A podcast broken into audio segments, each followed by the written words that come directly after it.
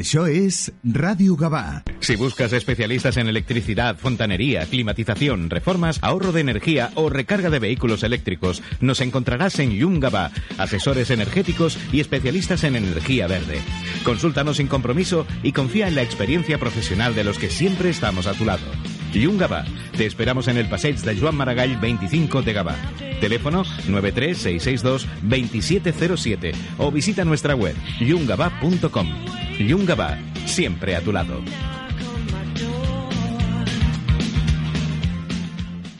Instituts Odontològics, la tardor arriba amb un 20% de descompte en odontologia general per a tothom. Vine amb els teus i entra en el sorteig d'un viatge màgic per a dos adults i dos infants. Demana cita ja a ioa.es o trucant al 900 131 002. Instituts Odontològics, perquè quan estàs bé, somrius. A Gavà ens pots trobar a la Rambla de Maria Casa 78. Això és Ràdio Gavà. Era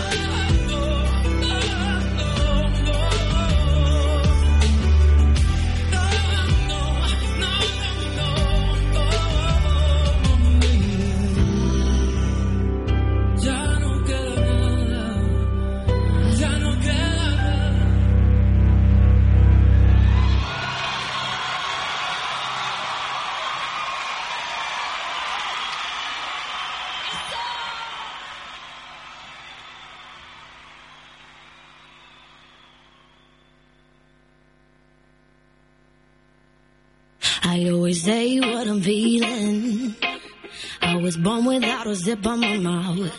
Sometimes I don't even mean it. It takes a little while to figure me out.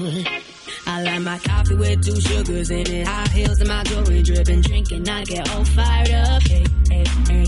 Insecure, but I'm working with it. Many things that I could get rid of. Ain't nobody give it up. I made a few mistakes, I regret it nightly. I broke a couple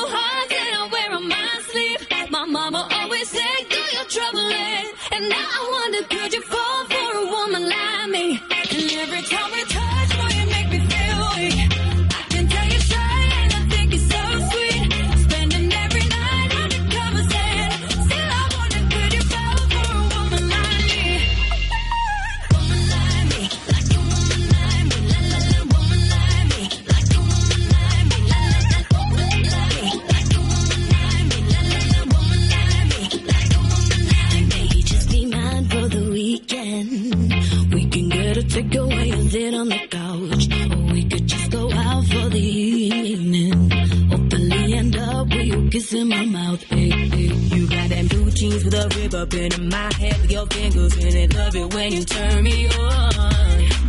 Young Sarah, a little bit of love drunk in the middle where they get down to our favorite song. I made a few mistakes, I regret it nightly.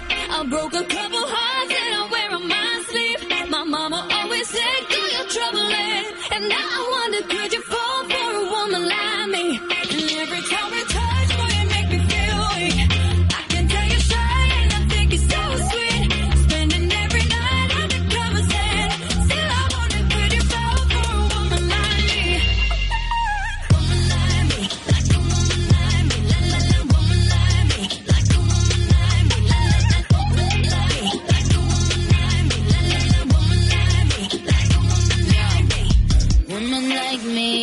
woman like me.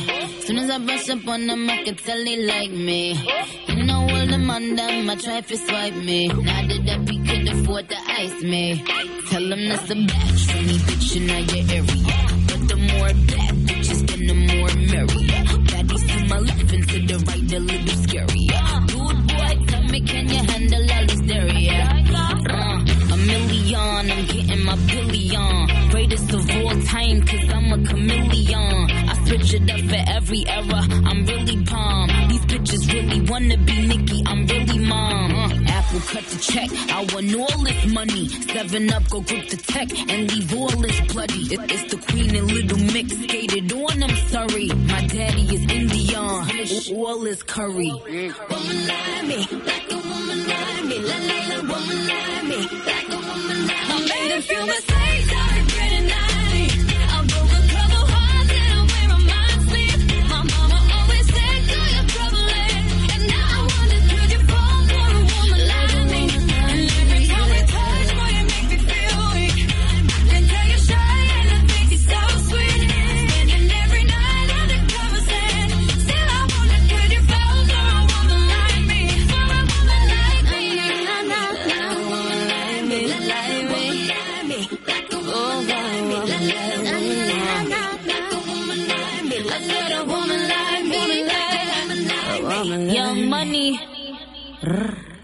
Això és Ràdio Gavà. Hola. Vida Mejor, tu inmobiliaria en Gabá, tiene un plan sencillo para que vendas tu piso seguro y es que disponemos de más de 2.400 compradores para ti. Además, Vida Mejor pone a tu disposición un magnífico equipo de expertos inmobiliarios y coordinadoras que te acompañarán hasta el mismo día de la notaría. Te esperan en Paseo Maragall número 20. Vida Mejor, la inmobiliaria con suerte en Gabá. Estàs pensant a posar plaques solars a casa teva? Doncs passa't a l'energia solar de manera fàcil i segura amb la teulada, experts en energia solar i el nou espai d'assessorament per a la ciutadania i les empreses. Informa't a la teulada arroba amb.cat o contacta'ns per WhatsApp al 645 725 465. La teulada és un servei de l'AMB finançat amb el Fons Europeu de Desenvolupament Regional. AMB, Metròpolis de Barcelona. Això és Ràdio Gavà.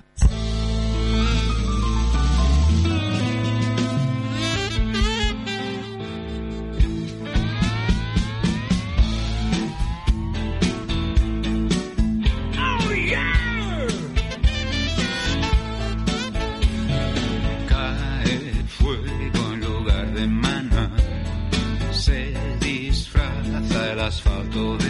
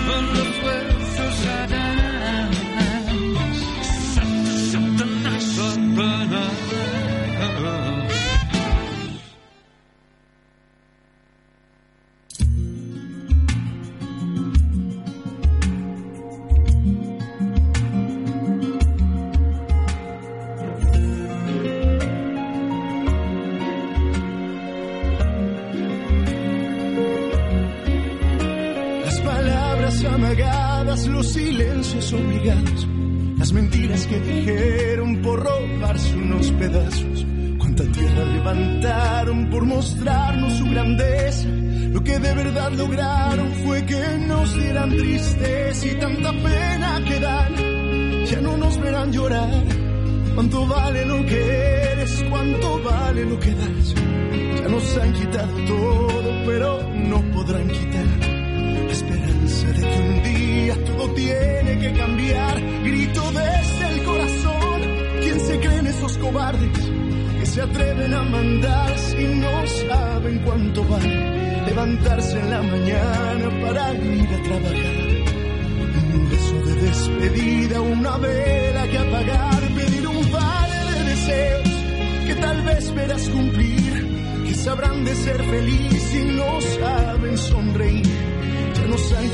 todo, pero no podrán quitar la esperanza de que un día todo tiene que cambiar, que se atrevan a mirarnos a los ojos, que se atrevan a encerrarnos con cerrojos.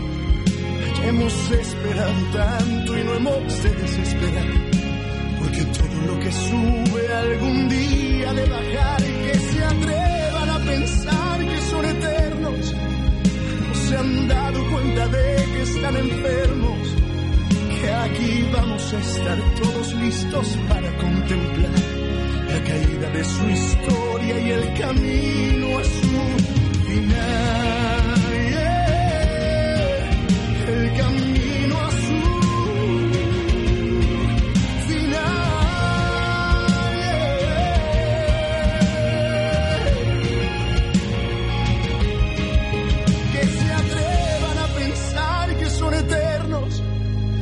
se han dado cuenta de que están enfermos y que aquí vamos a estar todos listos para contemplar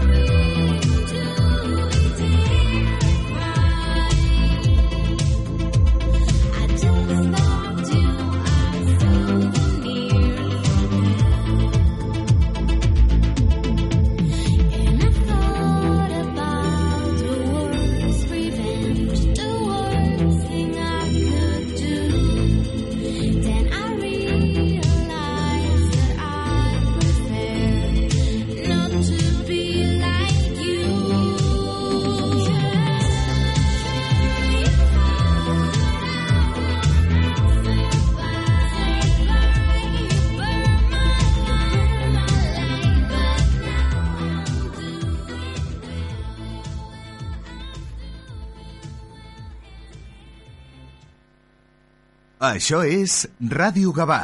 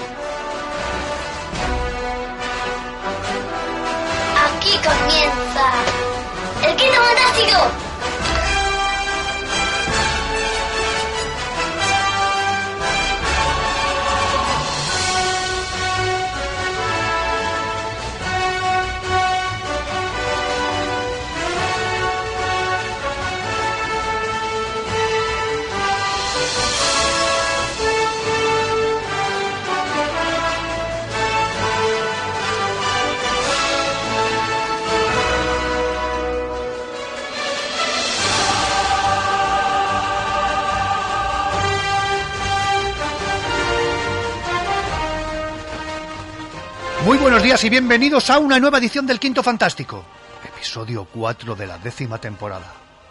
Si queréis acompañarnos, poneros cómodos, poneros los auriculares si estáis en el trabajo, si estáis haciendo ahí faenas de casa, pues tomaros un cafetito, poneros mm, a escucharnos porque el programa de hoy lo, lo necesita, vaya. Eh, en definitiva, acomodaros y sobre todo para que podáis disfrutar de- del programa. Y como no, como siempre, dar la bienvenida a nuestra imperiosa furiosa que hoy nos viene, muy, muy, muy, muy guerrera de la carretera. Doña Maite, muy buenos días.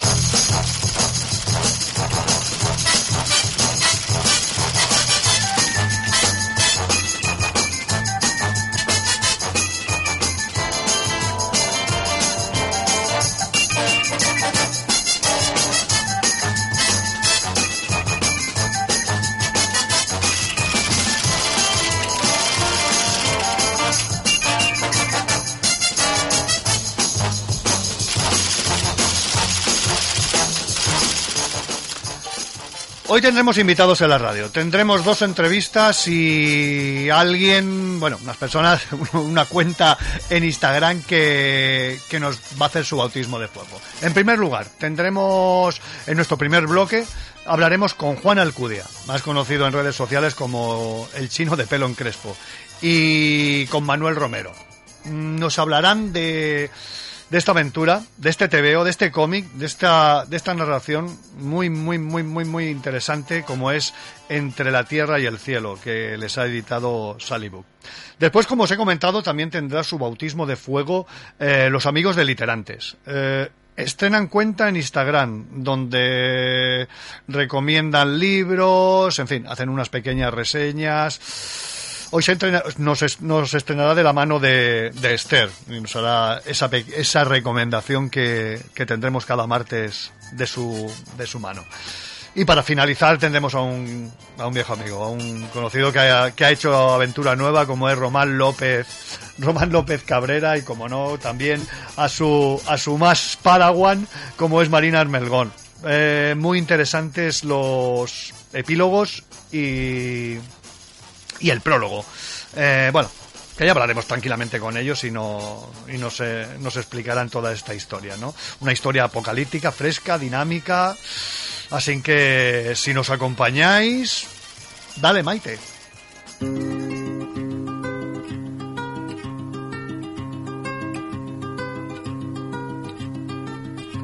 Ojalá que las hojas no te toquen el cuerpo cuando caigan. Para que no las puedas convertir en cristal. Ojalá que la lluvia deje de ser milagro que baja por tu cuerpo. Ojalá que la luna pueda salir sin ti. Ojalá que la tierra no te bese los pasos. Ojalá se te acabe la mirada constante, la palabra precisa, la sonrisa perfecta. Ojalá pase algo que te borre de pronto, una luz cegadora, un disparo de nieve. Ojalá por lo menos que me lleve la muerte para no verte tanto para no verte siempre en todos los segundos, en todas las visiones. Ojalá que no pueda tocarte ni en canciones.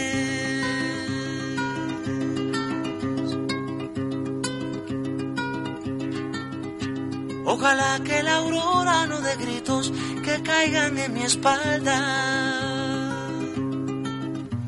Ojalá que tu nombre se le olvide a esa voz. Ojalá las paredes no retengan tu ruido de camino cansado. Ojalá que el deseo se vaya atrás de ti. Bajo el seudónimo de El Chino de Pelo en Crespo, Juan Alcudia, un escritor, guionista de cómics, con una variopinta trayectoria profesional, se ha centrado principalmente en el género del terror, aunque también, como no, ha explorado otros géneros como el drama, ciencia ficción y fantasía. Lo iremos conociendo un poquito, según vayamos hablando co- con él, lo iremos conociendo un poquito más sus trabajos. Don Juan, muy buenos días y bienvenidos al Quinto Fantástico de Radio Gabá. Hola, buenos días, ¿qué tal? ¿Qué tal, Juan? ¿Cómo estamos? Muy bien, muy bien, gracias por la invitación. Hombre, un placer, un placer y conocer más a ese el chino de pelo en crespo, a ese Juan Alcudia, de, de conocerlo. eh, bueno, iremos desgranando un poquito según vaya pasando, según vaya pasando la entrevista, si te parece. Muy bien. También tenemos a también tenemos a un riojano que se dedica a la pintura, a la ilustración y al cómic. Su trayectoria profesional abarca más de 20 años. Todo todo un veterano ya en estos labores. Ha colaborado en diversos medios editoriales, agencias de publicidad. Sus dotes, su obra se caracteriza mucho por la versa- versa- versatilidad, su dominio del color, la y sobre todo la capacidad para adaptarse a muchos estilos y muchos géneros ¿no? que, que ha ido tocando. Don Manuel, muy buenos días y bienvenido al Quinto Fantástico de Radio Gabá. Buenos días, Albert. Gracias, muchas gracias por invitarnos. Ah, nada, todo, todo, todo un auténtico placer. ¿Qué tal? ¿Cómo estáis? ¿Cómo, cómo, cómo va, cómo, cómo va esa, esa después del, bueno, aunque sí ha pasado un poquito la pandemia, cómo va ese reencuentro otra vez con, con todos, con todos los, los fans, eh, publicaciones y demás? Venga, Manuel, ya que te he dejado a ti, comienza tú. Sí, bien, pues bueno, la verdad es que bueno, la pandemia ya pasó, por suerte, ¿no? Y nos, a mí personalmente me vino bien para, para poder meter en marcha todos los proyectos que estaba que tenía ahí en medio, ¿no? En ese momento. Ahora ya, pues los dos trabajos que hice en esa época, pues ahora están ya eh, en el aire, están funcionando, ¿no? Y pues es un poco expectante a ver ¿no? los resultados, ¿no? Este cómic lleva un mes nada más en el mercado, entre el cielo y la tierra, de Sagi Book, y, y, bueno, pues eh, bueno, como te digo, expectante por ver cómo, cómo reacciona la gente ante un trabajo así, ¿no? Juan, dejaste muchas cositas en el cajón de allí de la mesita de noche durante la pandemia para, para ir haciendo. Bueno, la verdad es que la pandemia, como ha dicho mucha gente, especial- especialmente gente que se dedicaba a la creación, pues aunque fue un periodo de recogimiento forzado, muchos lo, aprovechamos para incrementar la actividad.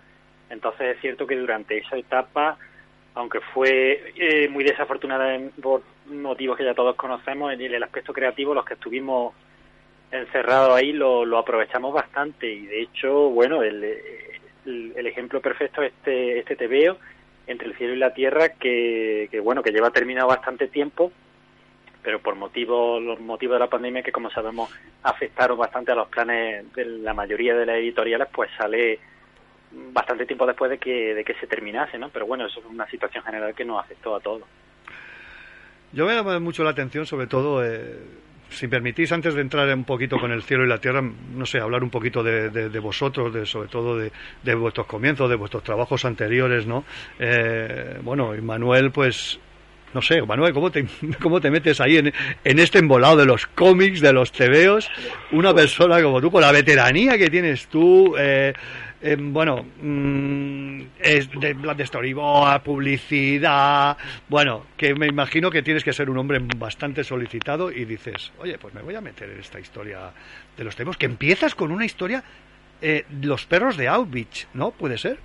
Eso es, Sí, bueno, meterme en el mundo del cómic, yo siempre creo que he estado, ¿no? De alguna manera dentro, ¿no? Ya desde pequeño leía tebeos, leía cómics y, en- quizá en una época en la que he parado, ¿no? De leer cómics ha sido cuando me he dedicado más a pintar, a hacer grabados, esculturas, o sea, a investigar un poco por otro lado, ¿no? Otras otros mm, métodos, otros medios ¿no? de, de- de comunicación visual distintos al del cómic, ¿no? Pero, pero cuando terminé la carrera me puse a trabajar en una agencia de publicidad y, y lo que hacía prácticamente era, casi siempre era storyboard. Y el storyboard es como un cómic, ¿no? Es un cómic comercial, pero no deja de ser un cómic, ¿no? Y el código cinematográfico que es de ahí detrás de él, pues es muy similar, ¿no? Entonces, bueno, no me he alejado tanto de lo que pueda aparecer en el, en el del mundo del cómic desde, desde siempre, ¿no? Pero, pero bueno, luego el, motivo por el que entro en el, digamos, de manera más, más profesional eh, se, se acerca más, un poco más a esa, esa necesidad mía de querer contar algo eh, de una manera muy personal, ¿no? Entonces, eh, creo un estilo o intento crear una manera de comunicar distinta y la aplico a un guion mío así cortito, que es el, como comentas, Los perros de Auschwitz, que se publicó en La Resistencia, una, una revista que llevaba Ricardo Esteban y que la dirigía Juanjo el Rápido y que me permitió pues eh, que, mm, darme a conocer un poco así a nivel general, ¿no? Ese fue, esa fue mi, mi bautismo, digamos, eh, a nivel a nivel global, ¿no? Y, y luego, bueno, pues tuve la suerte de que eh, Manuel Gutiérrez, que se encarga, que estaba en Sayibuk y está en Sayibuk y en y, y, bueno también eh, en Cascaborra eh, Julián eh, pues fueron los que mm, vieron que ese- este tipo de estilo de trabajo podía encajar en un guion concreto, ¿no? Y a partir de ahí fuimos en- eh, entramando un poco todo y hemos llegado a esto, ¿no? Hemos llegado a, tener ya un par de libros publicados y, la verdad es que bien, bien, contento. Pues, mm, Goya Saturnalia. Mm, ahí con Cascaborra, bueno, es, es bueno, aparte ya los premios que ha tenido, galardonada con ACDC del premio del cómic mejor nacional. Hace poco creo que el premio Miguel Ga- Gallardo puede ser, lo es- no- Sí, eso es.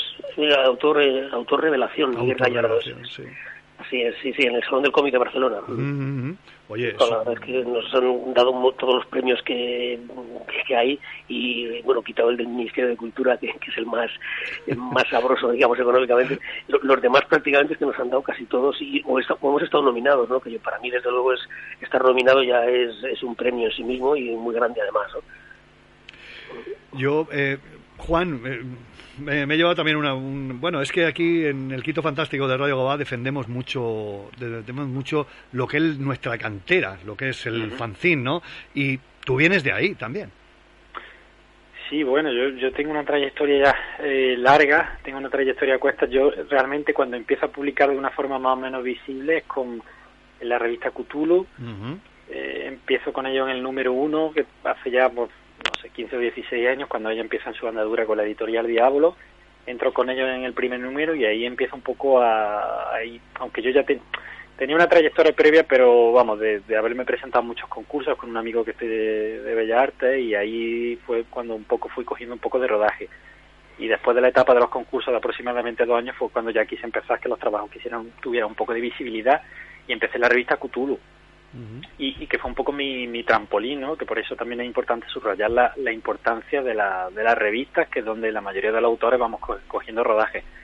Entonces, luego de ahí, pues poco a poco fui ya eh, publicando en otras revistas, en otros fanzines, ya fui intentando, eh, digamos, abordar proyectos un poco más, más ambiciosos, que te veo más extensos, lo que hoy se llama novela gráfica, y luego, durante este tiempo, el, el tema de los fanzines, tanto participar como yo de hace tres años que creé mi propio mi propio sello y, y también me autoedito por ahí, ¿no? En ese sentido, qué bastante, bueno. bastante inquieto. Ostras, qué bueno. Oye, y, y, bueno, el cómic histórico es uno de tus mm, pilares ahí también, mm, haciendo cositas como el saqueo de Roma, Guadalete, el ocaso visigodo. Yo creo que eh, ahí también, bueno, hay que romper una lanza y decir que Cascaborra ahí eh, se moja bastante, ¿no? Con, con estos temas. Sí, sí, bueno, puntualizar, el saqueo de Roma no, no es mío, el, el único que yo he publicado, aunque ahora estoy trabajando en otro título para Cascaborra, es Guadalete, el ocaso visigodo. Ajá. En- eh, en- entonces, en ese sentido, eh, la labor de Cascaborra es bastante importante porque digamos que hay una serie de... Es una, es una- una editorial que prácticamente el noventa y tantos por ciento de su catálogo lo dedica a autores españoles. Puede que tenga algo de otros autores, pero es una cantera importantísima.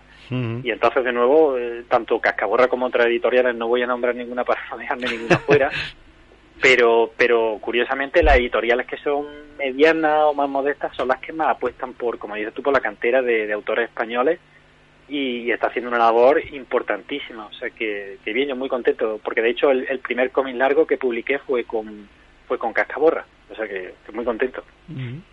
Oye, Manuel, yo viendo el dibujo, el dibujo de entre el cielo y la tierra, mm, no me tengo que, eh, no sé, yo creo que, y me tiro a la piscina un poquito, eh, creo que has leído bastante eh, revistas de, de- aquellas que nos marcaron un poquito nuestra infancia, como podían ser el Crepi, Zona 84, 1984, y te y he visto un poquito ahí una comparación con un gran autor, Fernando Fernández, ¿no? Que venía también de la pintura como podías venir tú. No sé si, no sé si me equivoco, ¿eh?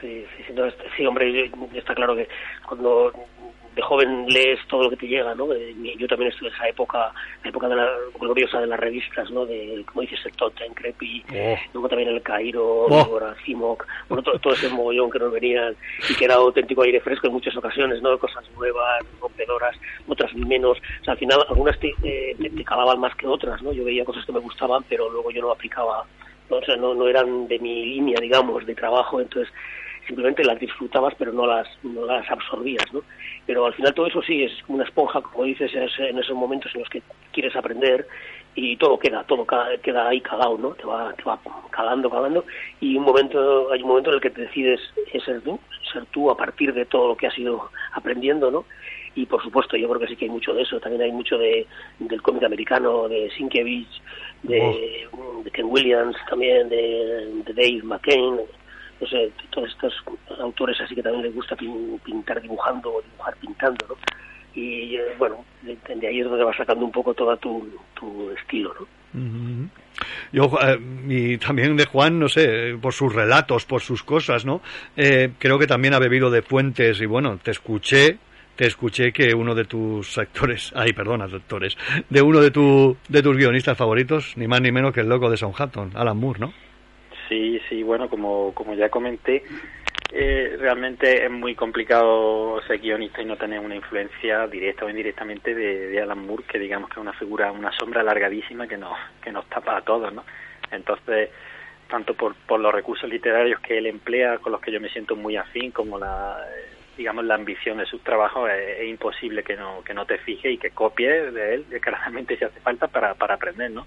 Entonces sí, sí es muy es una gran influencia y también otra que decía era Grant Morrison que, que como guionista eh, de hecho a mí me gusta más porque tiene un, un punto ahí lúdico desbocado surrealista que con el que yo me, me identifico me identifico mucho. Entonces en ese sentido esos son esos guionistas también me, me influyen mucho y luego pues autores completos de los que también he hablado alguna vez como José María Bea Ido Crepa eh, yo qué sé, Carlos Jiménez Enrique y o algún japonés en fin digamos que de todo un poco yo, yo intento absorber de, de todos lados o sea siempre intento aprender allí de, de, de lo que sea lo que lea Has, has nombrado la Florinata, vamos, Bea, Guido Crepa, bueno, Enrique Sio, bueno, que es un auténtico ídolo para muchos, para muchos de nosotros aquí, ¿no? Eh, que Claro. lo hemos conocido, vaya. Oye, no es la primera vez que trabajáis, que trabajáis juntos, ¿no? ¿Cómo, ¿Cómo os conocéis? ¿Cómo llegáis a conoceros? Venga, a ver quién se lanza primero a hablarlo. Eh, voy, voy a tomar yo la palabra. Mira, Venga. eh, básicamente yo el trabajo de Manuel lo, lo conozco porque yo publiqué también en la, en la misma revista, en La Resistencia, entonces coincidimos y, y me fijé en su trabajo y me, me llamó mucho la atención pues su, su grafismo y su, su estilo tan distintivo y tan personal. Y a partir de ahí, pues hay un momento en que yo contacto con, con Manuel y le, le propongo hacer un proyecto, que era una adaptación del poema de Gilgamesh. Nos ponemos a trabajar en el dossier y, y bueno, lo, presentamos, de hecho lo presentamos a Sally Books. Y bueno, ese proyecto no terminó de cuajar, pero, pero el editor, Manu, no, nos propuso otro proyecto que yo le había presentado para el que no tenía dibujante, ¿no? que era precisamente entre el cielo y la tierra. Y él nos dijo, mira, yo no lo veo esto de Gilgamesh, pero a lo mejor podría hacer esto juntos. Y ahí surgió realmente la, la colaboración. Manuel, ¿te lanzaste a la piscina cuando, cuando lo viste, cuando te dieron el guion? ¿O lo viste complicado? O cómo- qué- qué- ¿Cuál fue tu, tu impresión? Sí, muy complicados eh, lo era, ¿no? Es- son guiones tampoco recibí el guion completo eh, definitivo, digamos, ¿no? Veía un poco lo que es la sinopsis, todo, todo el esquema global y, y no habiendo dibujado nunca un cómic largo en, en la vida, pues, hombre, tienes esa, esa sensación de, de, de caer al vacío, ¿no? Pero lo, lo cogí con absoluta seguridad de que tenía que hacerlo porque era mi manera de empezar, ¿no? Para empezar a hacer algo, ahí los primeros pasos son fundamentales, ¿no? Y esto, estos son los primeros pasos, ¿no? Entonces, bueno, cuando me llegó el contrato prácticamente ni lo leí, directamente lo firmé porque era mi oportunidad de hacer algo distinto, ¿no? Y, así empezó, o sea, no, no lo dudé en absoluto. Yo, eh, leyendo el cómic, no había leído antes lo de Hijo de un Dios Caníbal.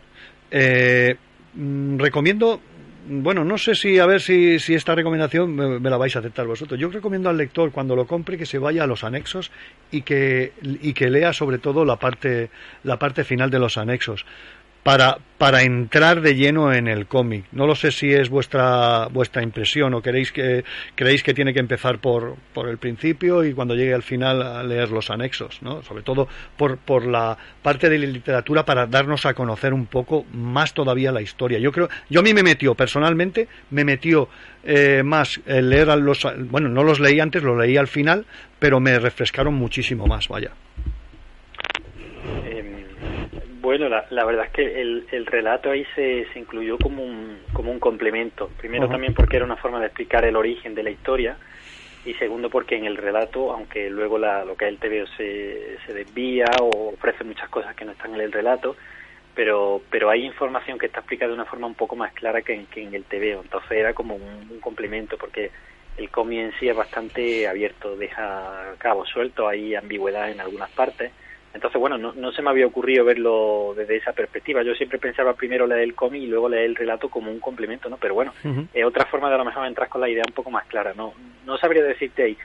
Eh, En realidad depende mucho del tipo de lector. Si Ojo. el lector quiere ir con una idea mucho más definida y más clara y enterarse mejor de lo que está ocurriendo, evidentemente se tiene que ir primero al relato.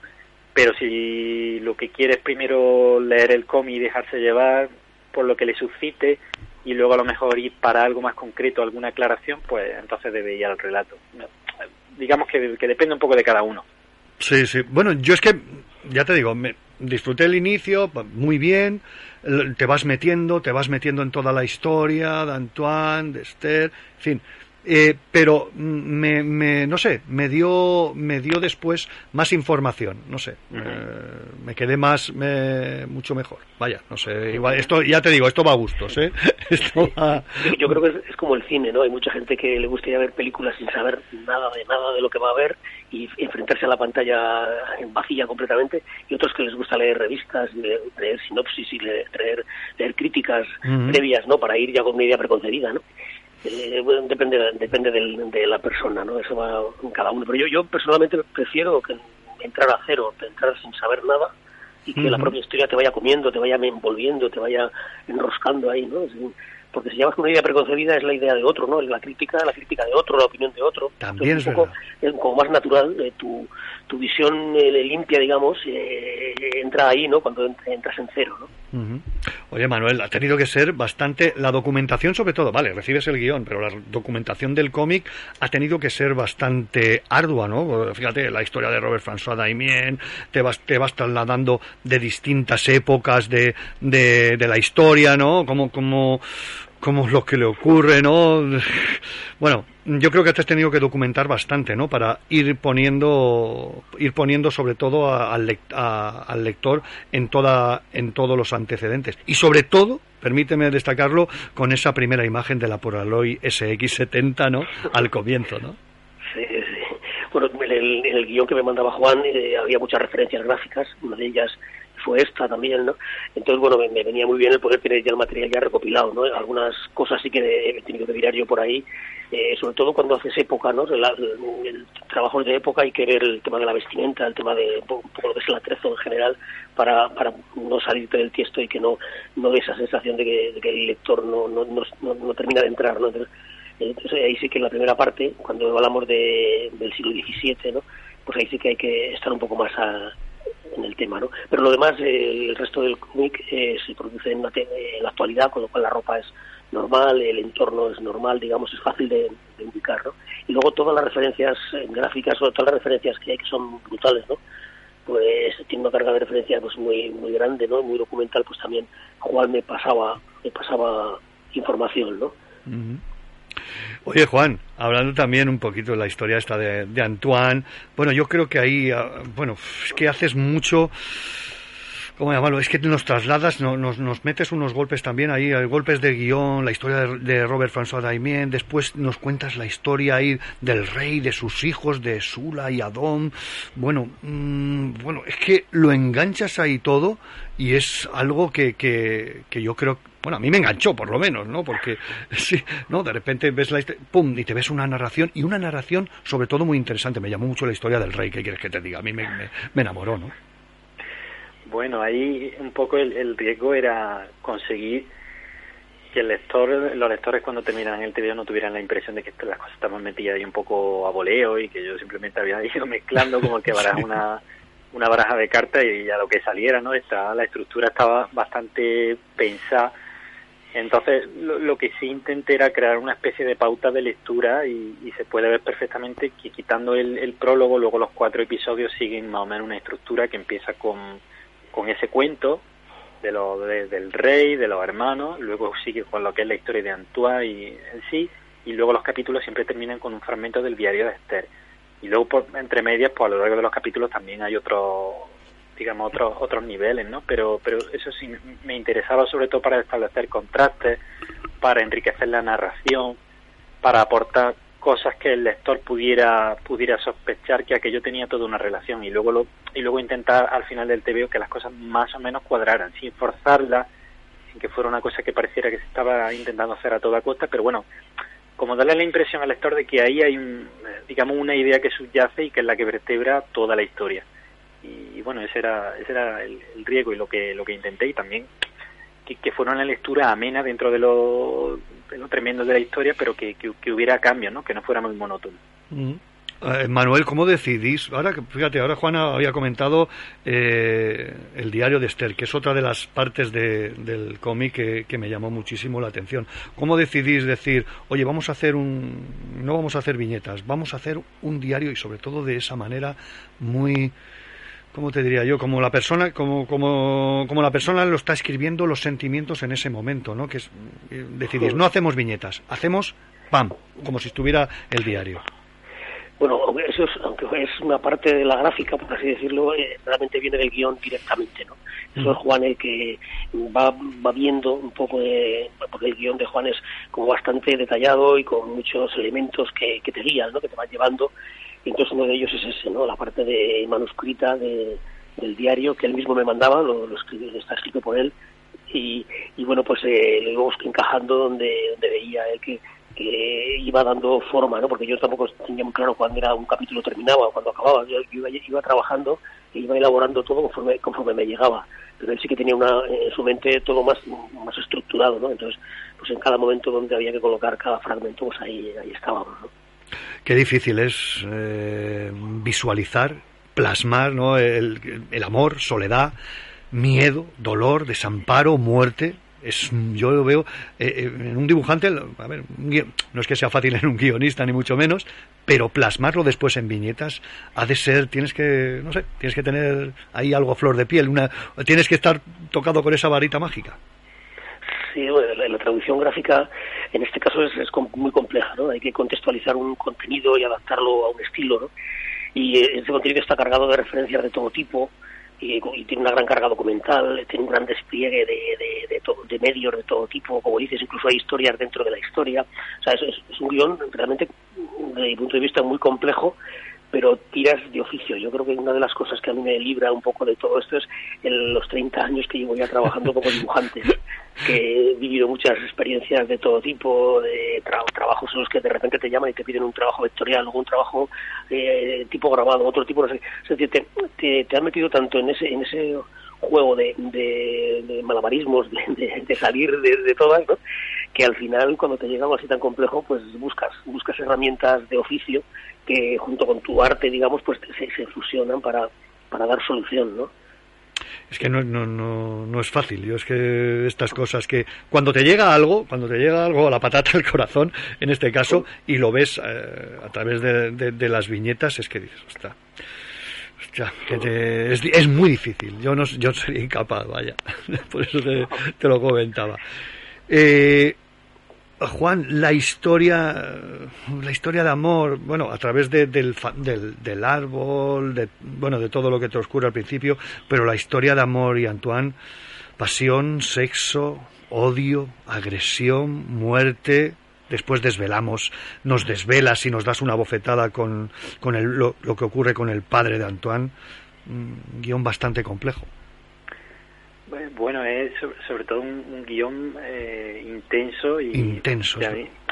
la preocupación era, eh, digamos que emocionalmente, a pesar de todo lo, digamos, la pirotecnia técnica que pueda haber en el TVO, que, que llegase a los lectores. Esa era mi, mi preocupación. Parece que ahí creo que hemos- lo hemos conseguido.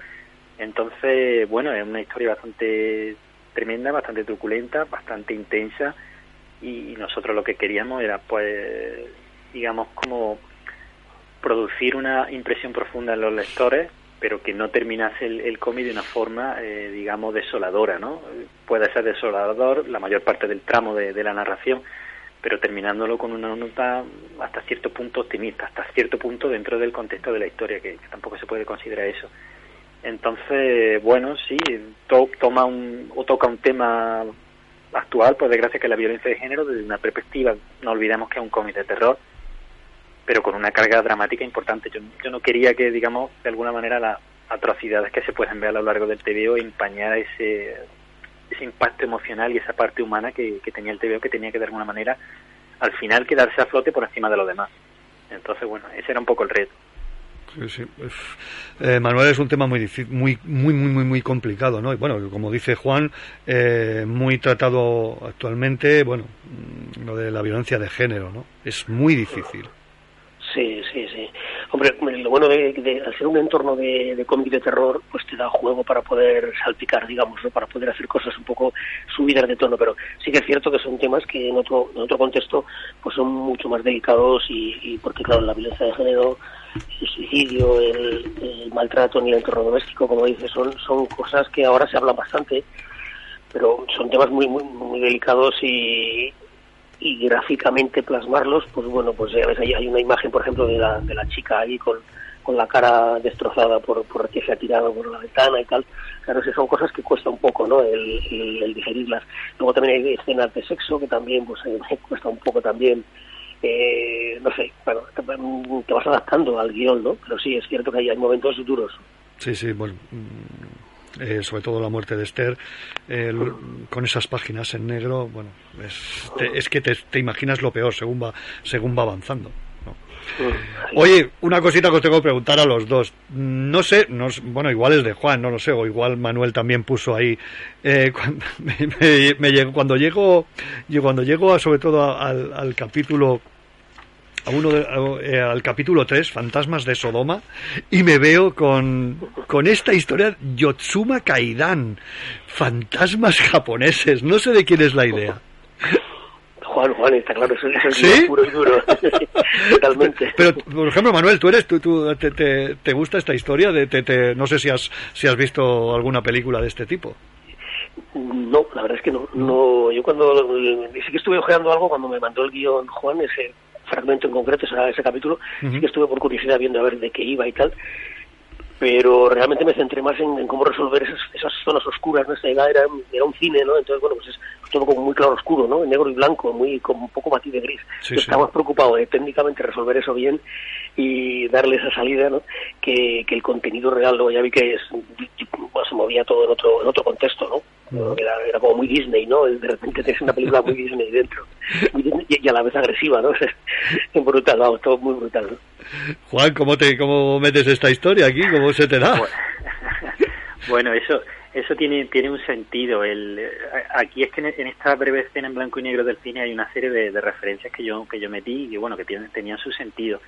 Eh, básicamente este el, el título de que se ve arriba en el cine el, el 40 el- bueno 42 Second Street que era un, cine que había una zona de cines que había en Nueva York hace la década de los 70 bueno luego se prolongó pero esos cines ya cerraron no sabría decir exactamente cuándo.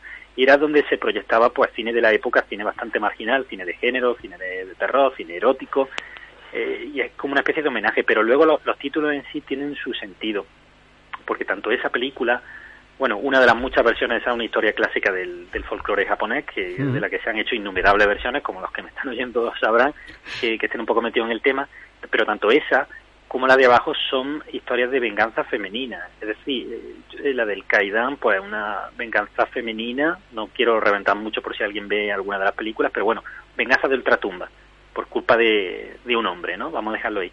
Y eh, Day of the Woman, que luego tuvo muchos títulos, una película bastante polémica de los 70 y, y va un poco en ese sentido, es una historia también de violencia, de, bueno, de, violencia sexual, vamos a dejarlo ahí, y, también de la de venganza de, la mujer. No son películas, sobre todo la segunda, bastante explícita y truculenta.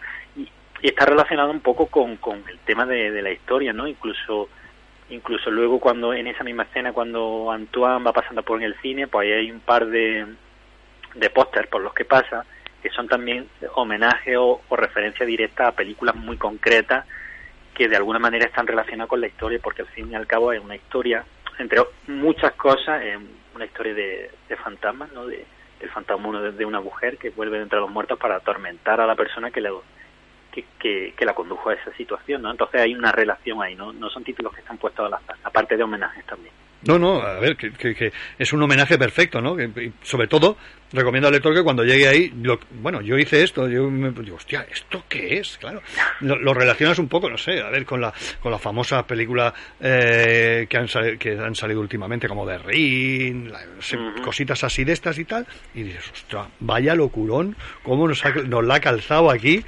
pero vamos, vamos, que te, te atraen más. Al contrario de aburrirte, lo que te atrae más, y dices, paro y digo, espérate, voy a buscar información de, de esta historia. ¿no?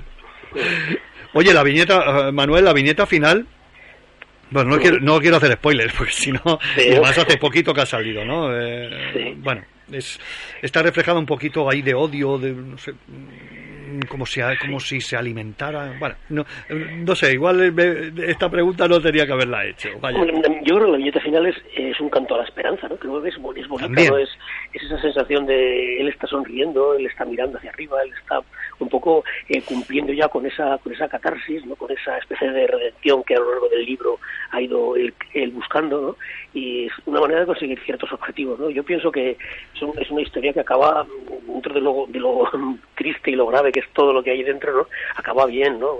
Bueno, acaba bien bueno, es, es para leerlo así, porque tampoco, No, no, es, no, tampoco es bien bien, ¿no? O sea, es- es un- pero bueno, no sé, es como que digamos que emocionalmente acabas bien, ¿no? Pero no. Hay un, hay un, yo también recomiendo, sobre todo al lector que, lector y lectora, por supuesto, que, que hay una parte que, que es un, es donde, donde Manuel se saca y dice, aquí estoy yo. Eh, creo que es como una entrada en el purgatorio, que es, está la cara de, de Antoine, una entrada, y bueno, a partir de ahí que aparece con el caballo, clac, clac, clac, clac, según va avanzando, lo tengo ahora mismo aquí delante, y es una auténtica salvajada, ¿no? Según vas avanzando las viñetas, eh, ahí, bueno, es, es un, un espectáculo de colorido tremendo, y, y de situación, ¿no? Es, es como un poco cinematográfico, ¿no? Es- Sí. Es, es como fotograma, fotograma, como vemos como aparece de repente de la nada del negro, aparece ahí un hombre montado a caballo, desnudo, gritando, y, y, todo- y toda la paranoia que se produce después, ¿no? Sí, no, es, es un capítulo un poco tremendo, ¿no? Tremendo, tremendo. Juan, el, el, el cómic es, es, es un relato de, de, de reivindicación de malos por los malos tratos, los oscuros pasados, en este caso del, del, del, del protagonista. Es, ¿Tratas de hacer una reivindicación de- sobre este aspecto?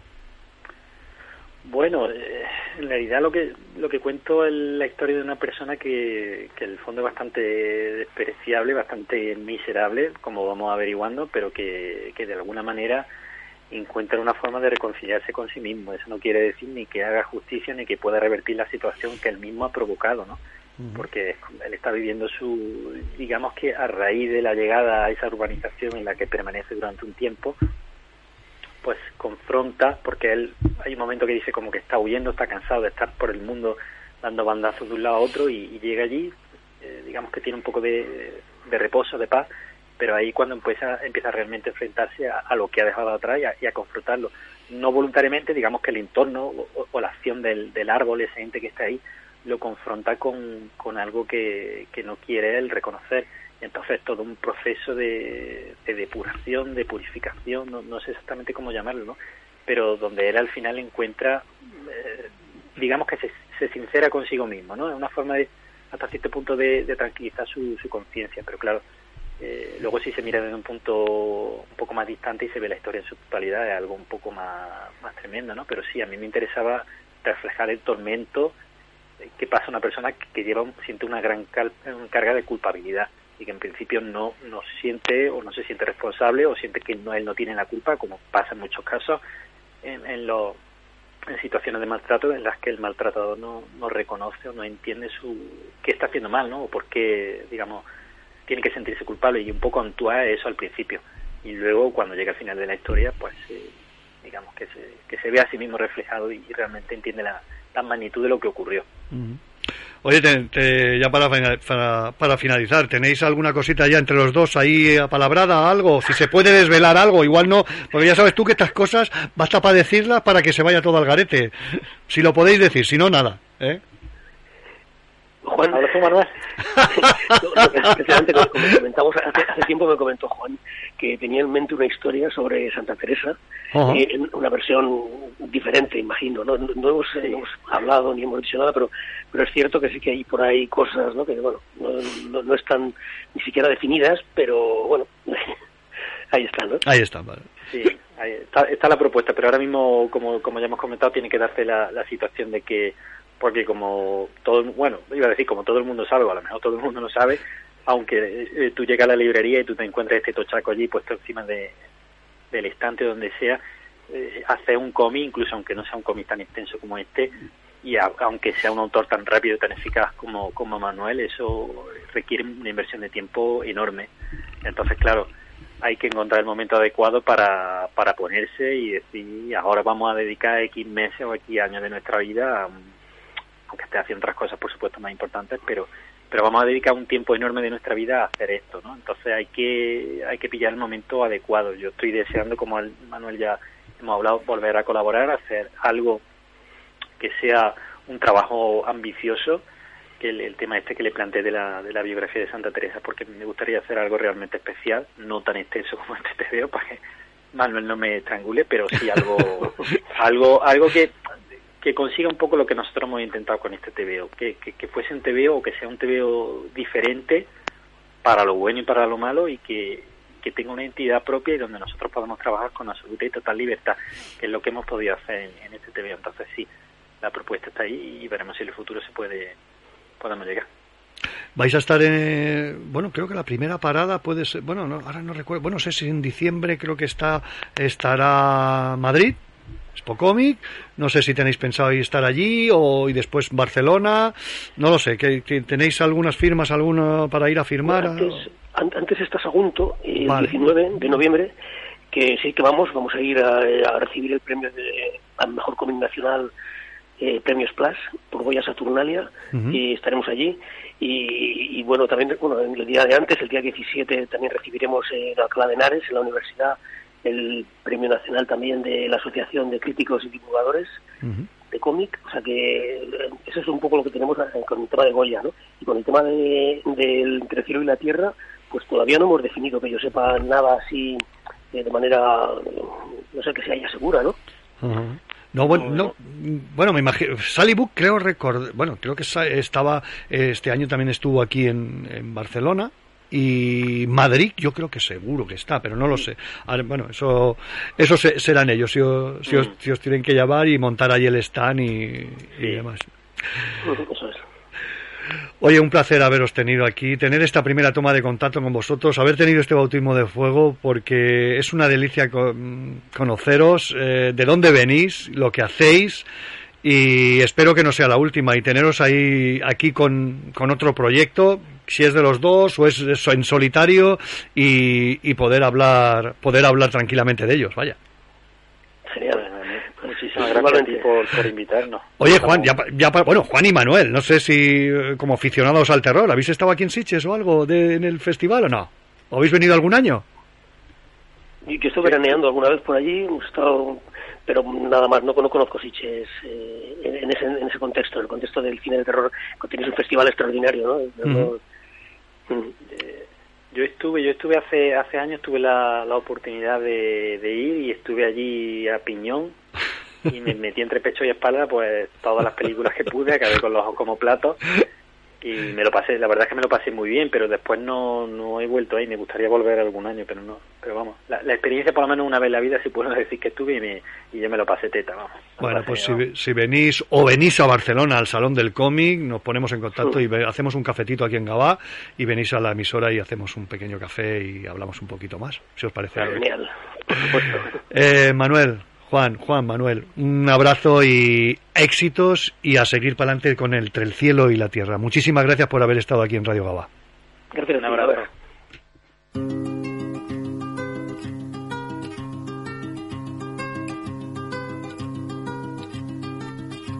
Ojalá que las hojas no te toquen el cuerpo cuando caigan. Para que no las puedas convertir en cristal. Ojalá que la lluvia deje de ser milagro que baja por tu cuerpo. Ojalá que la luna pueda salir sin ti. Ojalá que la tierra no te bese los pasos. Ojalá se te acabe la mirada constante, la palabra precisa, la sonrisa perfecta. Ojalá pase algo que te borre de pronto, una luz cegadora, un disparo de nieve. Ojalá por lo menos que me lleve la muerte para no verte tanto, para no verte siempre en todos los segundos, en todas las visiones. Ojalá que no pueda tocarte ni en canciones.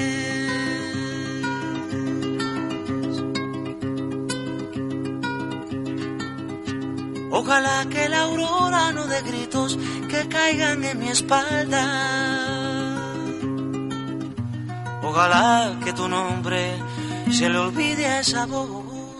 Estás escuchando El Quinto Fantástico, los cómics en Radio Gabá con Alberto Jiménez.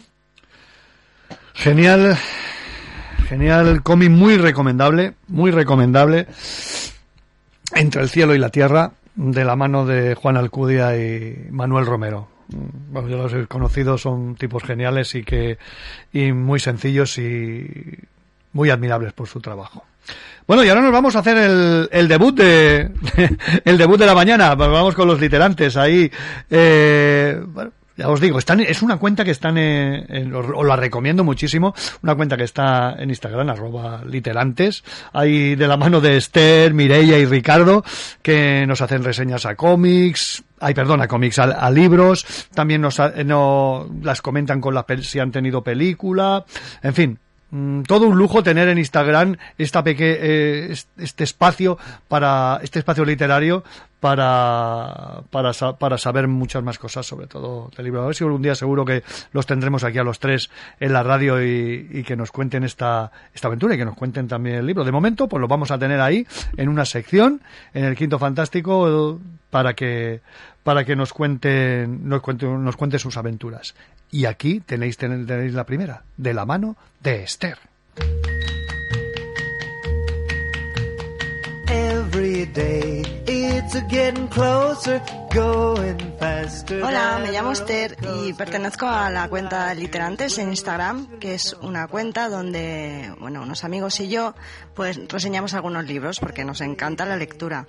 Entonces, bueno, el Quinto Fantástico me ha cedido muy amablemente, se lo agradezco muchísimo, este pequeño espacio para poder hablar pues con vosotros de novelas que me han gustado muchísimo y que, bueno, pues aparte yo he pensado que podrían ser que tuvieran adaptación cinematográfica. Así también os doy a escoger con mis recomendaciones, pues si preferís leer el libro o la película.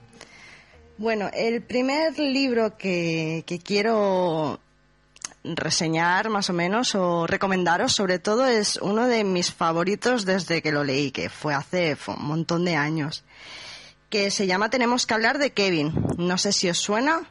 Es una novela escrita por Lionel Shriver en 2003 y bueno, fue llevada a la gran pantalla en 2011.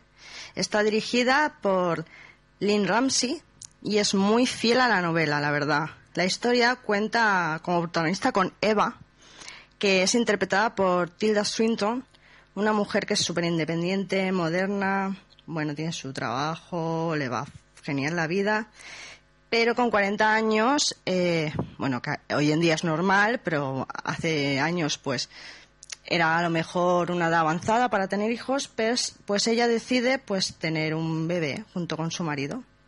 A partir de ese momento, ella crea como unos sentimientos de rechazo hacia su hijo de los, de los que nos hace testigos, ¿no?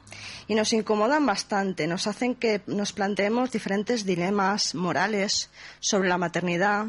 Te deja eh, muchas preguntas sobre ética y, bueno, pues Kevin, que es el hijo interpretado por Ezra Miller, es un niño muy complicado, problemático, parece odiar a su madre, entonces, eh, ¿ha podido influir la crianza que Eva le ha dado?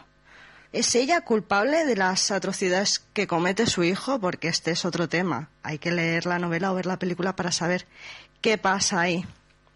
Entonces, tanto el libro como la película aviso que tienen un ritmo lento. Es muy psicológica. Pero es de esas que te dejan pensando y creando un debate interno muy interesante.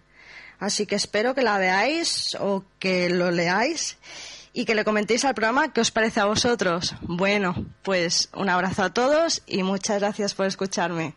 Chao.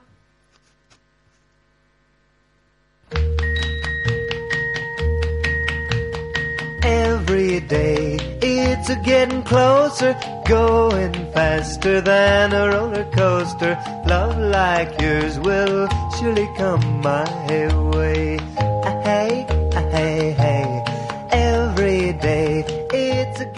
Bueno, genial. Ahí ha tenido ya su bautismo de fuego doña Esther, Mireia y Ricardo. Eh, ya sabéis, si queréis dejarnos algún comentario, sobre todo de, de sus reseñas, no dudéis, o lo podéis hacer a través de, de su cuenta en Instagram, arroba literantes, o si queréis dejarla aquí en el Quinto Fantástico, también de Radio, de Radio, de Radio Gaba. Bueno, pues nos vamos al- nos vamos con Román López Cabrera, que nos ha traído una cosita hace muy pocos meses, nos ha hecho una cosita apocalíptica, entretenida y sobre todo muy, muy de aventuras. Vamos a ellos.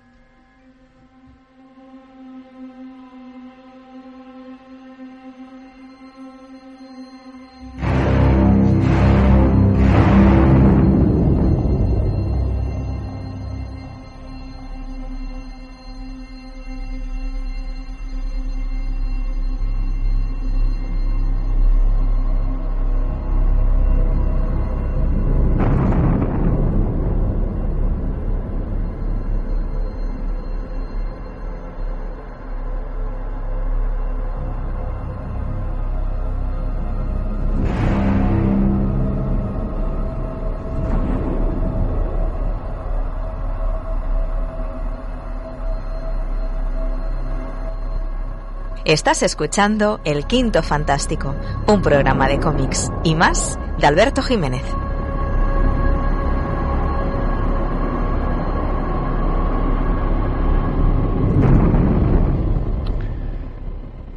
Bajo la sintonía de Imperiosa Furiosa, no podía ser otra, ya que la mano nos ha traído Román López Cabrera, nos- bueno, Román López Cabrera y Marina Armengol.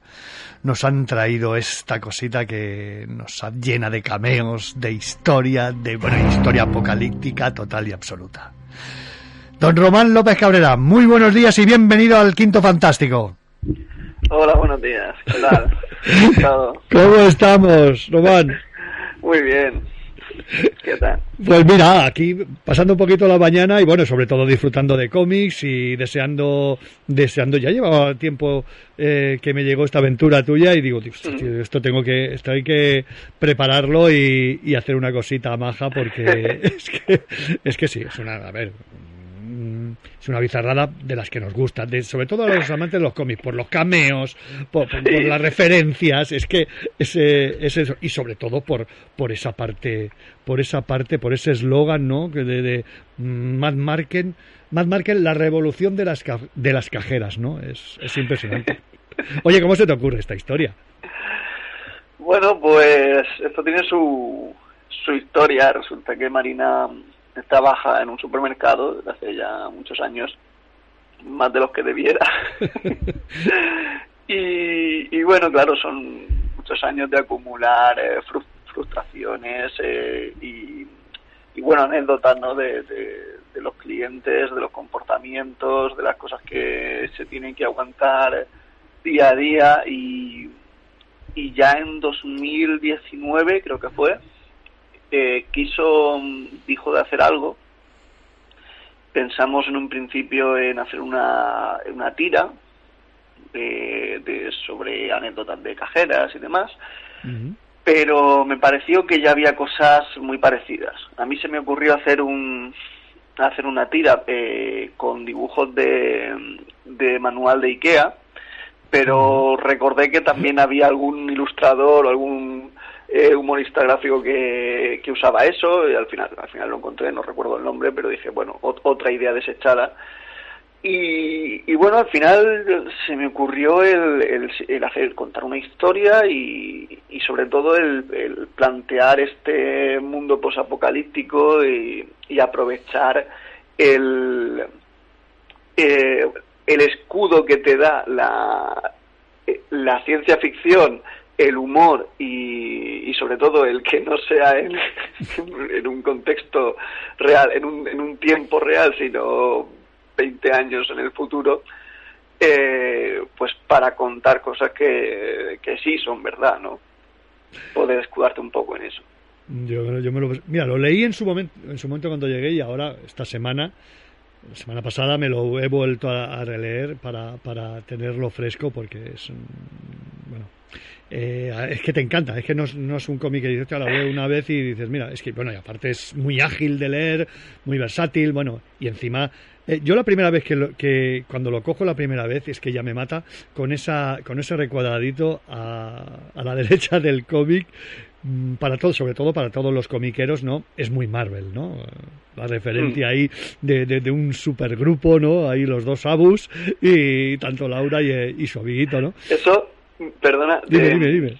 dices lo de la portada. Sí, sí, sí. Sí, eso es eh, porque a, a Fernando Yor se le ocurrió hacer eso en, en Octobriana y los Vengadores soviéticos contra el capitalismo nuclear. Sí.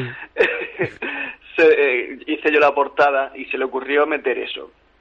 Lo metí y, a Mercedes de Cósmica cuando, cuando ya decidió que, que el cómic iba a llevar la misma línea editorial, bueno, empezó a, a meter esa cabecera en, en otros en otros cómics, creo que de momento solo está en otro más, eh, que iban a entrar un poco dentro de ese de, de ese subgrupo de, de cómics que de los, de entre los que publican y cuando ya decidió que Mad Marker iba a entrar en ese pues me lo me dijo de ponerlo. Lo que pasa que como yo ya me lo olía, mm, le fui metiendo prisa mm, para que me lo dijera porque claro, es algo con lo que tienes que contar a la hora de diseñar una portada y no digo, diseñar una portada y que luego resulte que la cajetilla esa eh, o la banda de arriba te te corta eh, eh, los puntos calientes de- del diseño que tenías, pues no no hace gracia. Entonces pre- preferí saberlo desde el principio y, ya sobre eso intenté aprovechar los, los huecos que, que quedaban. Sí, sí, está súper está súper bien y bueno, yo creo que a todo fan, yo creo que a todo fan del cómic, a ver, no nos vamos a engañar, la primera imagen es la que nos lleva, sobre todo la portada, que es la que te impacta y yo creo que, que esta te impacta, vaya. Oye, ¿cómo eh, esta vez eh, Marina Armengola ha- ha entrado más a participar en el guion contigo, no? Sí, sí, sí. Esta vez, aparte de que mm, la intención original de hacer algo sobre esto era suya, eh, claro, eh, nos hemos repartido un poco las labores de guion. Digamos que yo me he quedado con la parte más narrativa y de componer la historia y demás, pero claro, siempre consultando, siempre hablándolo con ella, eh, y esto si lo llevamos por aquí. Pues no, porque a lo mejor se va un poco de, lo que queremos hacer y nada.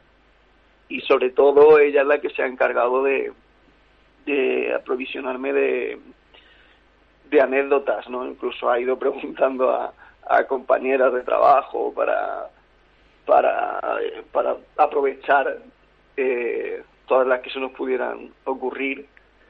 Aún en- seguramente hemos dejado alguna que otra fuera. De hecho, al final del cómic hay un hay una lista de normas de cosas que no hacer en un supermercado, que es de lo que va el cómic. El cómic al final es eh, una, un manual de cómo ir a la compra de forma educada y responsable y, y cívica, ¿no? Pero aún así hay unas cuantas normas que hemos añadido al final a, a modo de apéndice porque, porque aún así pues sentíamos que aún faltaba faltaban cosas para expli- por explicar, ¿no? Sí. No, es que es muy complicado. Ahora, a ver, ya de- viendo el trasfondo en la foto, yo voy a comprar un par de supermercados, no, no voy a decir marcas, pero, pero te, te- te- te- me dan ganas y seguro que lo haré. Le diré, eh, ten- tengo con alguna cajera confianza de decirle, oye, échate un vistazo a esto, ya me dirás lo que te parece. Sí, Oye, sí. pues te, te lo agradezco. Yo Sí, cuando, cuando fuimos a hacer la, la única presentación que hemos hecho, porque hemos hecho firmas y demás, pero presentación... Ah, no, hemos hecho dos. Una en Unicomic y otra en Aspe. Estuve a punto de ir. Yo vivo justo enfrente de un supermercado. Pues. justo enfrente. eh, en, la, en la acera de enfrente lo tengo. eh, y, y estuve a punto de, de hacer lo mismo, de decir, oye, que en el pueblo de al lado tenemos una presentación de este cómic. y, pero al final no, no, no me atreví. Oye, pues hubiese sido un, ya hubiese sido el colmo, un gran supermercado, pam, lo hace, yo- bueno, yo hubiese sido una bizarrada total y absoluta. Hmm. Sí, Oye, sí, sí. Contactas con Banff, eh, que bueno, que este, este seguro que vería la portada, eh, con lo bizarro que es el tío, este vería la, la portada y leería un poquito y diría, ya te hago yo el prólogo. Y pues, bueno, el prólogo es genial, seguro. Es, es, es buenísimo el, el prólogo del, del Banff. Es que sa- sabe, sabe, Sí, sabe captar el, el de qué van las cosas, ¿no? No de qué parece que van, sino, sino de qué van en realidad. Eh, Banff, bueno, ya tenemos relación desde hace unos cuantos años, ya de, en su día le mandé Secret Family y, y- lo reseñó y demás, y a partir de ahí siempre le, le he intentado mandar, o yo o a través de, la editorial correspondiente, algún ejemplar y siempre siempre lo ha siempre ha sacado en el canal. Eh, de, de hecho una vez eh, le mandé el cómic que tocase y, y no me acordaba que le había enviado también un, una especie de un cuento que hizo Marina con su con su hermana. Lo autoeditaron en, en Amazon. Se llama Acosador que va de, de- de las vivencias de, de alguien con, un- con un perro no lo que es vivir con un perro. Y, y no me acordaba que eso lo, lo había metido, era un, pues, un cuento muy cortito y tal, y, y en un vídeo sacó, habló de, de mi cómic y tal, y al rato veo que saca, saca el cuento también, digo, joder, macho. eh, no, yo, la verdad es que tenemos, a ver, relación, quiero decir que, que nos escribimos de vez en cuando para, pues para mandarle cosas y, y tal, y, y es alguien de cuyo criterio me fío mucho. Y cuando cuando pensé en quién podía hacer este prólogo, eh, claro, no quería simplemente a alguien relacionado con el mundo del cómic o alguien relacionado con el mundo de, de los supermercados, como en este caso el epílogo, que es de mi, que es de mi cuñada, que también trabaja en un supermercado, eh, sino que quería a alguien con cierta sensibilidad, alguien que entendiera de cómic pero que tuviera cierta sensibilidad social. Eso no, no es tan fácil de encontrar, no es, que no, no es que sea imposible, pero no es tan fácil de encontrar entre el mundillo del cómic porque mucha gente pues, pues, está, está más pues con, los superhéroes o con eh, o, simplemente con disfrutar los cómics y no eh, no, no está muy implicada más allá de que esté eh, a favor o en contra de algo eh, con, temáticas sociales con las que se puedan tratar, ¿no? Y, pero Banff sí que se moja. Es un tío que sí que se moja y, y yo sabía que este cómic le iba, le iba a entrar. Quiero pensar que es así y que no, y que no lo ha hecho al final por, porque se había comprometido, pero, pero, Mira. pero sí, yo estoy muy contento. El mejor ejemplo es que el lector, lectora que lo compre, que, lee el- que lea el prólogo. Y ahí se dará cuenta de, de que no ha sido absolutamente nada, nada ni de compromiso ni nada, porque es que hace un, os hace un prólogo genial, ¿no? Mm. con el título Napal en el pasillo 5. Ahí a partir de ahí ya, toma, aquí te lo dejo, tío. Sí, sí, está, eh, está muy, muy, muy inspirado el prólogo, la verdad. Oye, fíjate, bueno, mm, desvelamos un- una cosita que es Marina, es, eh, es tu mujer. Eh, habéis tenido, yo creo que igual a lo mejor ella, pues, te- a ver, pues, ella y Jenny, ¿no? Que es tu cuñada, habéis tenido eh, seguro muchísimas conversaciones de este tipo, de los chulos, los chulos que no pagan, la, Sí. adorable- la adorable abuelita que está contando los céntimos, eh, sí, bueno, es que mil y una, mil y una, y, y yo creo que estas serían conversaciones de, de sobremesa de domingos o de fiestas o de cumpleaños en vuestra casa. ¿Cuándo, y, cuándo decís, oye, vamos a hacer un cómic de esto? Pues sí, efectivamente, esas conversaciones son, son constantes, ¿no? Eh, cada vez que, que quedan, eh, cuando quedamos, por ejemplo, pues que si viene mi cuñado, que, que es, eh, además, eh, bueno, somos amigos desde muchísimo antes de ser cuñados y es el cantante de mi grupo y es con, con quien hago muchas cosas, ¿no? Eh, pues aún bien, pero si quedan ellas dos solas y voy yo también, es como, ya sabes que, que el 80% de la conversación va a ser sobre trabajo, eh, quejas de, de uno y de otro, y va a ser un poco por ahí. Y el cómic, pues eso salió, la idea, la idea de hacer algo fue, yo creo que fue 2019. Eh, en 2019 sé que empezamos a hacer, el- a dibujar las primeras páginas para hacer un dossier, pero ya estaba, estaba yo con la confesión y después de la confesión, de hecho antes de terminar la confesión, me salió lo de, me cogieron memoria de una guitarra y ya está. Y ya de ahí para adelante he, ido encadenando un proyecto con otro y al final pues eh, tuve que, llegó un momento en que tuve que tomarme un parón y decir, no, no, ya no cojo más, eh, voy a hacer Mad Market porque ya me lo había cogido Cósmica y claro, Marina estaba deseando que saliera también y es como, joder, eh, la tenía esperando ya un par de años para hacer el cómic porque se habían colado otros, ¿no?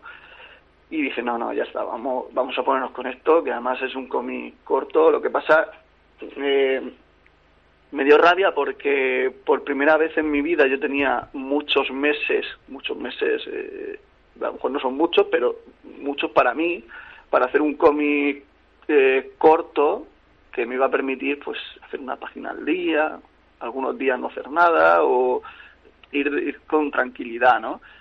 Pero me entró lo de eh, Vallecas, los años de barro y me tuve que poner a hacer dos al mismo tiempo. Y, y claro, fue, un- fue un, al final de, de- de mucho tiempo se quedó en poco, al final se fue retrasando la entrega de, de Mad Market. Y lo que pasa es que luego se retrasó un año la, la salida de- del cómic. Por, por, bueno por, por- la agenda de, de, de- de Cósmica que, que, pues eso que tenía otros otros que ir sacando y, y bueno es una editorial pequeña y va sacándolo como como puede no Es que, bueno, yo creo que también el cómic también tiene su parte, su parte sobre todo, sobre reivindicativa, ¿no? Y sobre todo reivindicar la figura y más que nunca, eh, después de haber pasado todo lo que hemos pasado con la pandemia, reivindicar la figura de, los- de las cajeras, los reponedores, la parte seria, con las manifestaciones, como haces muy Sí. bien tú, lo de talla, reivindicaciones. Ahí, ten, vale, sí, nos hemos reído, lo hemos pasado bien, ca- cameos de pelis y tal, pero también le metes, un, le metes tu parte rei- reivindicativa. Eh, Sí, sí, sí, claro, eh, sí. Mm, Ya te digo, esa, esa era un poco la idea, eh, concienciar a la gente sobre según qué cosas, pero hacerlo de forma camuflada, a través de- del humor y de la ciencia ficción y, de- y demás. Eh, Que prácticamente terminaras el cómic sin tener la sensación de que te han soltado un panfleto o que has leído un cómic eh, histórico, social, eh, vamos, que no te estás leyendo el de Miguel Hernández. Estás, estás en otra cosa, en otro, en otro rollo, en el que te entran a lo mejor me- mejor otras, ah, según qué mensajes, eh, por el, por, por cómo te lo lleva contando el, el cómic y que un poco te des cuenta ya al final. Eh, eso que comentas es ya en la recta final cuando ya dices, hostia, que ya, ya he entrado del todo y ahora, de y ahora es cuando cuando me haces el truco de manos y me desvelas de qué, de qué estamos hablando realmente, ¿no?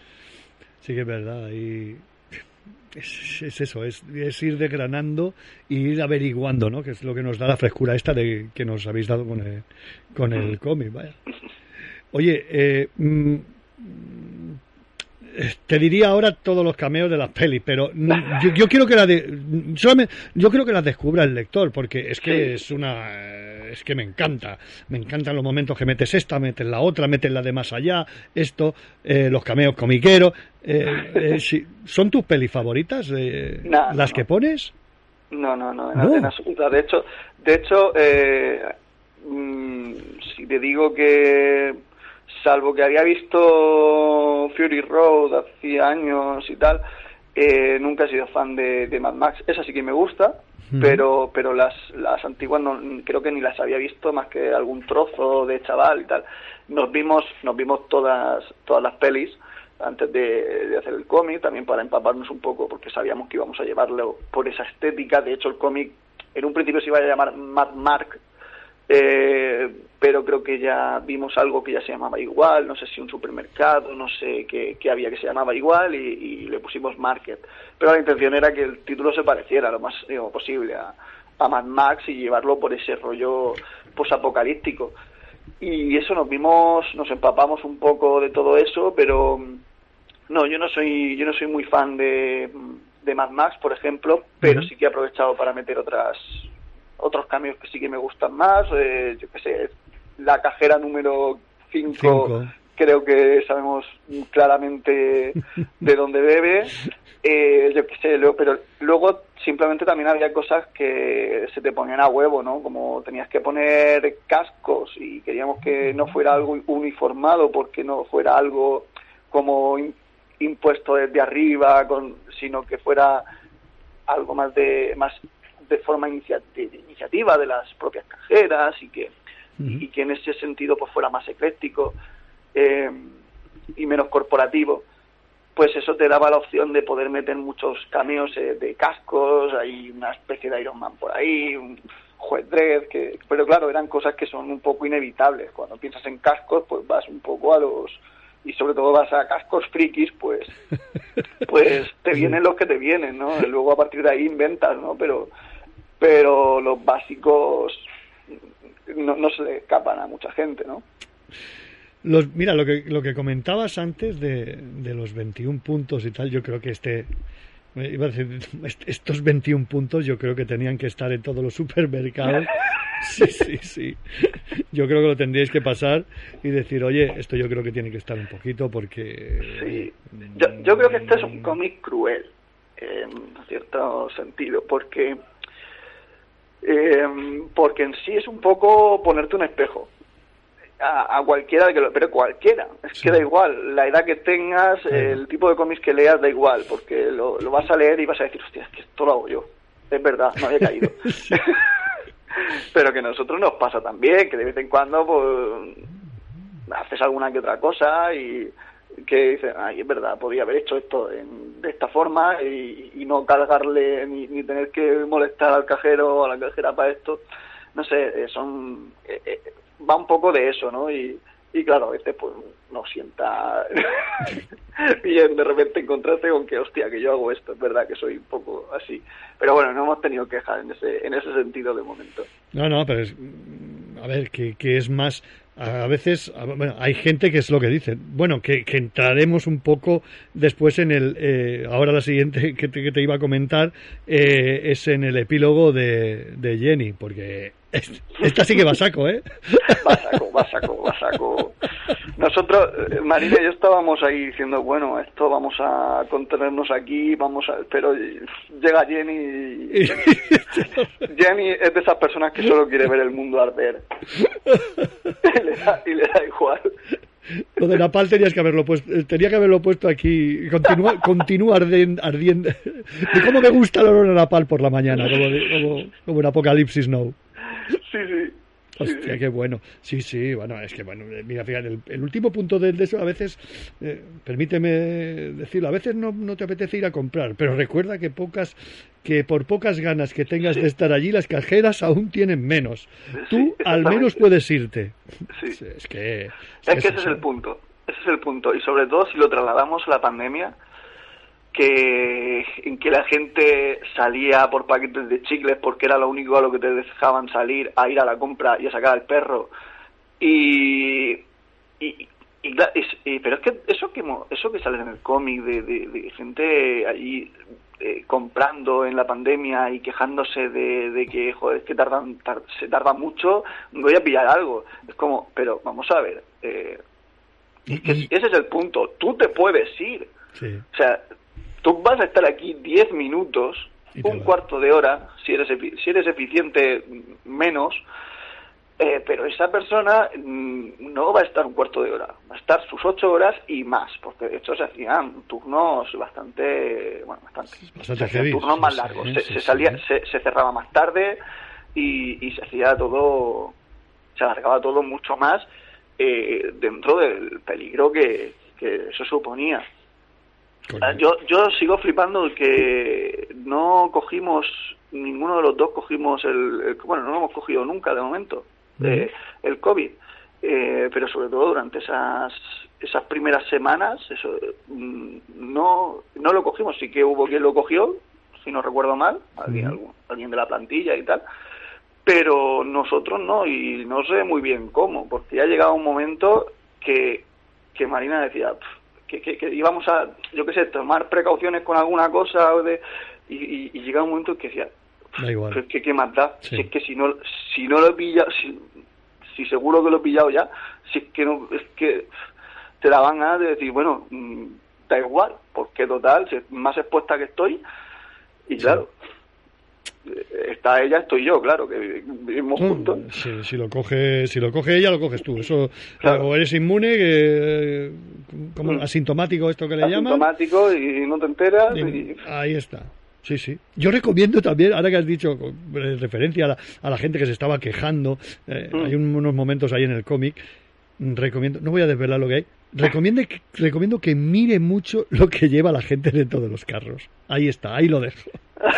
No, que, lo lleve, que, que, que tal y como va leyendo, pero que se fije en lo que la gente lleva en los carros.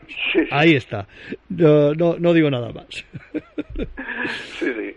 Oye, ¿y cómo. ¿y cómo dais el paso de que dice, oye Jenny, haz el, haz el epílogo y venga, expláyate aquí con los cartelitos, la bolsita de fruta, las barritas de pan, los grititos? Toma, ahí te lo dejo. Eh, bueno, no, de forma muy natural, de forma muy natural.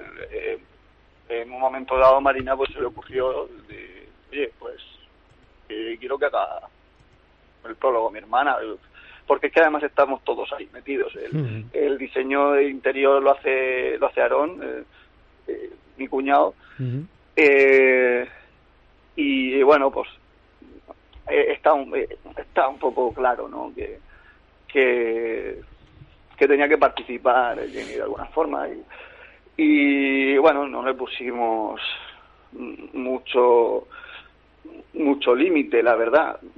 Fue un poco ya sabes el tipo de cómic que es, te lo has leído, imagino que entiendes el público al que va y pues ya está, tú misma. Y, bueno, y de hecho, pues ya te digo, no, no le dijimos no vayas por aquí o córtate un poco. Ujú. Bueno, pero yo creo que también hay que, eh, a ver, yo me he, visto, me he reflejado y, y- y hay que saberse reír de las situaciones que, que generamos, ¿no? A Mm. veces hay que saberse reír de uno mismo, ¿no? Y, oye, pasártelo bien, disfrutar leyendo el cómic, que, que es, que, que, vamos, es una, es un, es algo fresco, es una bocanada de aire fresco con sus toques re- reivindicativos, pero es una bocanada de, de aire fresco, vaya. Pues me alegro Oye. de, que, de que lo sea. Sí, sí, pero es que hay que tomárselo así, Román, si es que no, no Ah, Sí, ¿cómo te lo vas a Además, eh, No sé lo si- bueno de... No, no sé si habréis recibido alguno. Oye, tío, que os habéis pasado, que esto no sé qué, qué tal. No sé, No. no pregunto, ya que. ¿No? No, no, no. De momento que, que yo recuerde, no. Además, eh, sí que es verdad que no me tocó hacerlo al mismo tiempo, pero el, una, una cosa curiosa es que han salido los dos cómics así que he hecho últimamente de con un corte más ligero y de humor y tal, eh, han salido al mismo tiempo. El, el de mm, eh, Hay que arreglar lo de Dinamarca salió en febrero, creo, y este salió en marzo, y de hecho los he estado presentando juntos porque por eso, porque había salido muy pronto, porque las editoriales son amigas y porque, bueno, no, no desentonan el uno con el otro porque los dos son, eso, eh, con- eh, tienen su, su toque, su, su corte humorístico y, y claro, la verdad es que se agradece un poco cuando vienes de de Vallecas los años de barro, vienes de Miguel Hernández Piedra Viva, vienes de, Sí, vienes sí, de sí, memoria de una guitarra. Eh, llega un momento en que dices, uy, Necesito. vamos a vamos a, a, A desengrasar. a oxigenarnos un poco, ¿no? Y a cambiar un poco el chip, aunque luego tengamos que volver. Hostia, que es, es des- Fíjate que ya para acabar, me, me quedo con la última página, la página que haces una contraportada ahí. No sé, no, no, ah, es tuya, es tuya el, el eh, mirarlo apocalípticamente, muy de Mad Max y tal, eh, es tuya y es, vamos, a mí me, me encanta esa portada, te, te, te, te deja, te deja ahí, joder, qué bueno, qué bueno. Sí, Yo que soy muy, dime, dime, dime. No, es que, claro, queríamos aprovechar sobre todo esa, esa estética de, de Mad Max eh, y, y se me- hicimos eso, la, la portada esta, la contraportada esta, bueno, no contraportada, la, la página esta Página final, final, sí. eh, con el rollo de, de Fury Road y, y, y la inicial con imitando la, la carátula, la portada del, de la, de la original, ¿no? De la, de la primera. Ujú. Oye, pues yo no sé, bueno, no sé la expectativa que, que tengáis ahí con Cósmica Editorial, pero yo creo que las aventuras de Larga, de Laura, perdón, se pueden, se pueden ampliar. Yo creo que puede haber un segundo tomo, un poquito, de decir he crecido, de encontrarse más escenarios apocalípticos, no, no lo sé. ¿eh? No sé si tendrás Eh, ahí algo así. Pues, a ver, alguna vez lo hemos pensado, nos, nos lo han dicho, sí que es verdad que eso sí que nos lo han dicho, igual que con Memoria de una guitarra también me lo dijeron, oye, la chica esta que sale que sale al final, que coge la guitarra de- del protagonista, podrías hacer una continuación con ella y tal. eh, pero me, pasa un me pasa un poco lo mismo que eh, de entrada son obras que, que están cerradas, que has hecho con, pensando en cómo terminarlas, en cómo acabarlas de forma correcta, en contar lo que querías contar ahí. Y creo que, aunque siempre hay más anécdotas que, que contar, sobre todo en este, en este ámbito, de hecho, en es- esto con esto de las cajeras, han seguido saliendo anécdotas y, y cosas que te dicen los clientes y cosas que hacen y demás. Pero de, de entrada yo creo que, que no sería hacer nada nuevo, que sería estirar un poco más el chicle, quiero decir, que no que porque por, sobre todo porque tanto Memoria de una guitarra como este pues tienen un porqué, no no es simplemente ah voy a hacer contar las anécdotas, las aventuras de un agente secreto o demás que te que te lleva a hacer a hacer otras aventuras, sino que simplemente pues de una guitarra estás contando un- la vida de un hombre y con para contar unas cosas concretas que ya has contado ahí y aquí es un poco lo mismo. Aquí el, el cómic sale por, por lo que sale, porque quieres eh, enseñarle a la gente según qué cosas y según qué situaciones y, y, que, y que vean eh, un, una, algo que, que, que suele ser invisibilizado, ¿no? que es mm, lo que tiene que pasar la gente de- del sector servicios cada día tratando con trabajando de cara al público, ¿no? A partir de ahí, pues sería simplemente añadir y añadir y añadir y eso. eh, No, otro escenario, no, lo sé. ¿eh? fin. Otro escenario, no, no lo sé, ¿eh? ojo. ¿eh? Sí.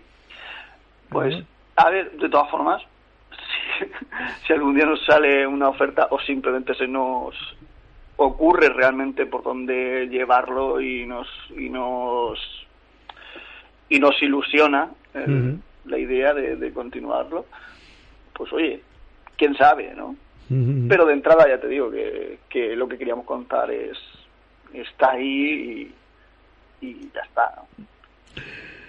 Oye, Román, es un placer hablar contigo, conocer tus aventuras. Bueno, eh, me encanta porque porque nos das ese, aire fresco. Por cierto, sa- salió al final la segunda edición de que hemos estado hablando. En cuanto me la has dicho, digo, hostia, digo, digo, no sé si salió la segunda edición de Vallecas, Los años de barro.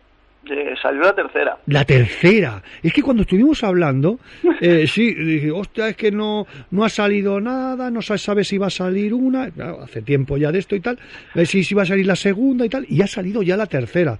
Hostia, pues voy a intentar sí, a ver sí. si me hago con él, Y, porque con, y de hecho creo que está agotada Buah. o no sé. es que eh, lo estuvimos hablando la otra vez, digo, hostia, digo, es que eh, nada más que por la síntesis, lo que leí de él, digo, hostia. Y muchos, lo he comentado en algún foro de gente que son de Madrid y que son vallecanos, dice, hostia, tío, dice, pero, pero esto, di- digo, sí, tío, digo, digo, hay que, digo, hay que intentar, digo, si conseguís, vais a alguna tienda por Madrid y veis uno, comprarme otro para mí y me lo mandáis. Pues sí, sí, sí. Está, se está agotando. Hace ya varios meses que, hace un mes o dos meses que me, que ya me dijo Rodolfo que, que se estaba agotando, si no estaba agotado ya. Supongo que se podrán seguir encontrando. Bueno, de hecho, a ver, yo el, este sábado 28 voy a estar en la Feria del Libro de Cartagena. Eh, me contactó la, la Asociación de Memoria Histórica de Cartagena y tal para firmar en su caseta y, y me pidieron nombres de mis cómics que más se ajustaran a eso. Yo le di el de Vallecas, le dije el de, el de Miguel Hernández y el de Memoria de una guitarra. Me dijeron que los habían pedido todos, pero en el cartel solo me han puesto eh, el de Vallecas. No sé si es por Hostia. sintetizar o es que, o sea, iban a estar todos los, las- los tres cómics que dije, o si es que solo han conseguido de ese y voy a firmar solo de ese. No lo sé. Pero quiero decir que sí, que imagino que se han conseguido, si eh, se han conseguido ejemplares será porque todavía todavía se podrá se podrá conseguir de, de mano de la distribuidora. De todas formas, eh, si se está agotando, a lo mejor se están esperando un poco, pero mm, se hará, imagino que se hará cuarta edición, si, si se ha vendido tan bien y demás. Claro. Eh, y más de cara a, a cuando salga la segunda parte, que estamos Pues hostia, Estamos pues trabajando en ella. Madre mía. Ahora ya me has dicho bastante. Sí, sí, eh, saldrá. eh, estoy, de hecho, me pillabas. Estaba haciendo tiempo, estaba entintando una, una página de, de la segunda parte. Pues os quiero a, Rodolfo y a ti, cuando salga esto a la luz la segunda parte, os quiero a Rodolfo y a ti, ya le, le dices que tienen una cita aquí en el Quinto Fantástico. Muy bien. Román, lo que te digo, un placer siempre hablar contigo y oye, Igualmente. a ver si, si nos vemos, si venís para Barcelona, no dudes en llamar y hacemos un cafetito aquí en la emisora. Muy bien. Muchas gracias. Nada, oye, un abrazo y a seguir, y un abrazo también para Marina, ¿vale? Gracias. Y para Jenny. vale. Vale, vale. un abrazo, Román. Gracias.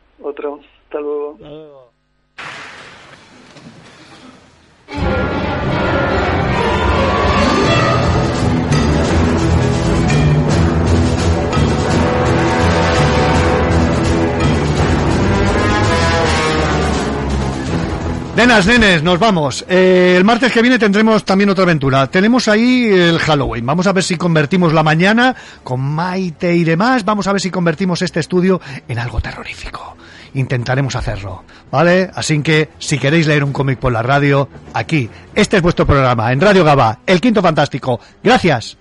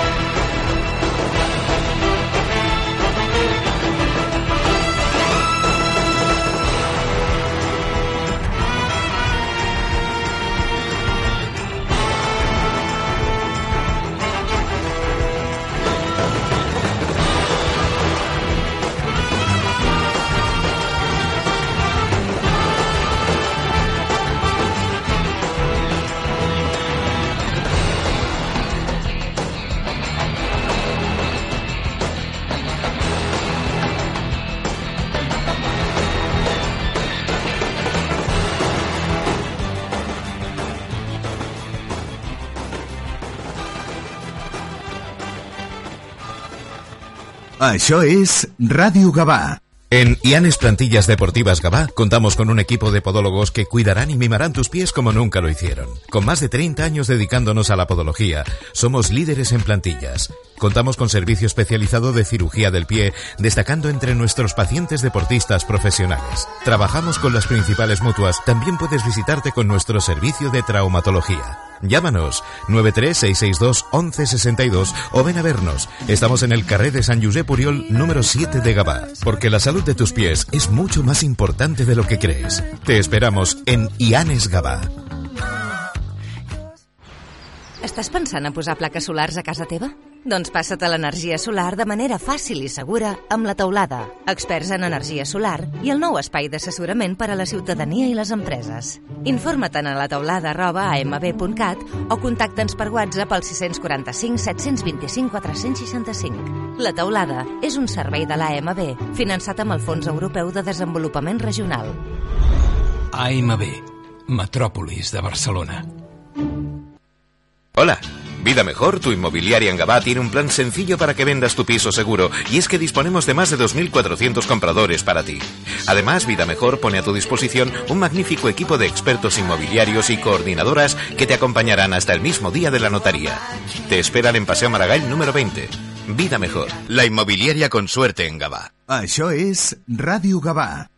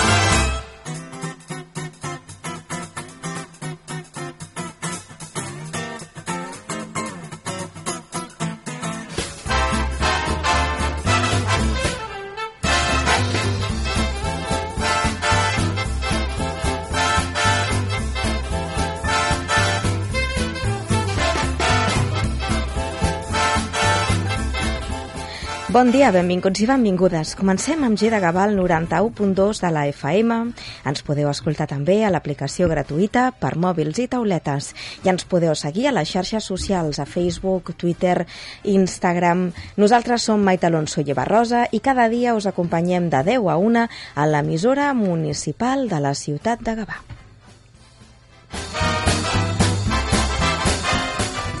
Avui rebrem l'Associació de Veïns del barri de les Colomeres i és que aquest barri participa del projecte Aporta. És un projecte de la CONFAC, de la Confederació de la Confederació d'Associacions de Veïns de Catalunya i per una altra banda, bueno, no ho he dit exactament, però, però ja m'enteneu, és aquesta uh, la idea, i per una altra banda um, ho fan Uh, doncs això, perquè participen del programa Porta, és un programa eh, en el qual persones van porta a porta dels diferents municipis dels barris triats per, perquè es pugui fer aquest programa per poder detectar possibles problemes, sobretot entre el col·lectiu de persones més vulnerable. Per una altra banda, avui també parlarem de la Didaltrac, i és que la Didaltrac, aquest servei gratuït de reparació que ofereixen des de Solidança arriba el proper divendres a la nostra ciutat. Justament a més, el dissabte es fa el mercat de segona mà, el Flea Market, un mercat que també inclourà una part molt important d'aquest espai al reciclatge de roba, amb una desfilada de moda doncs justament això, reciclada, que també doncs, es fa a Solidança amb el projecte d'Upcycling. I avui sí, recuperem l'entrevista en la qual des del Museu de Gavà ens van explicar eh, doncs, eh, com són les dues exposicions que encara podem visitar en aquest museu, tota pedra fa paret i estiuet, estiueig de proximitat.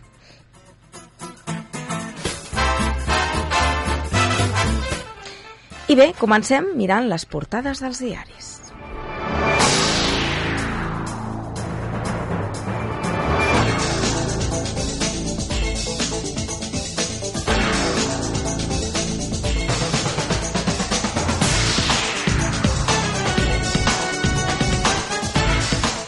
El diari El País diu que PSOE i Sumar negocien la setmana laboral de 37 amb 5 hores.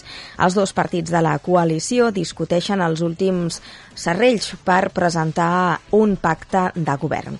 Per una altra banda, Feijó insisteix en les rebaixes fiscals contra les exigències de Brussel·les.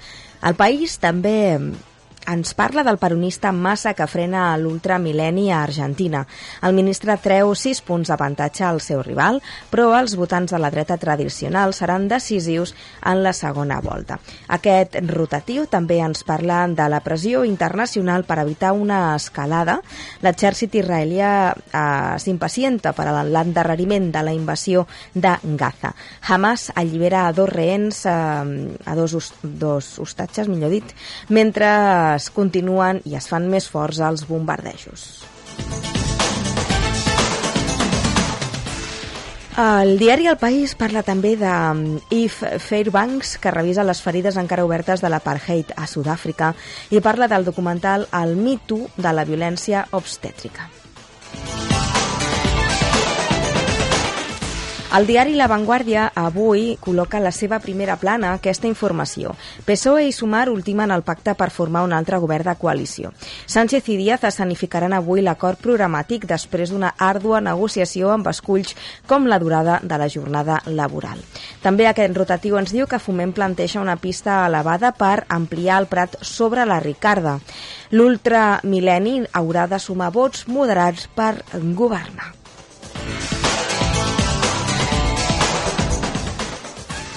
La Vanguardia parla de Hamas i diu que allibera dues octogenàries d'Israel entre els 222 segrestats que manté.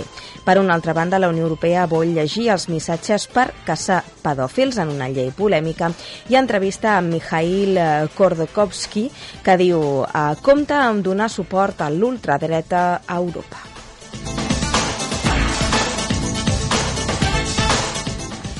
Pel que fa al diari El Periódico, avui podem llegir Foment aposta per allargar la pista del Prat sobre la Ricarda.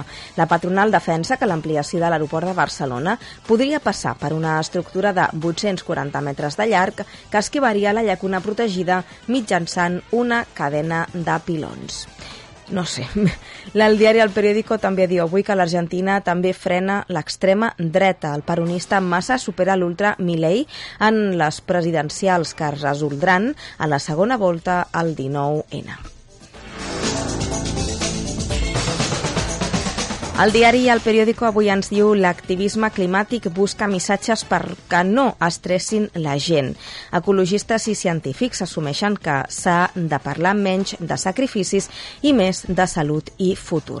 El govern vol generalitzar el porta a porta en la recollida d'escombraries.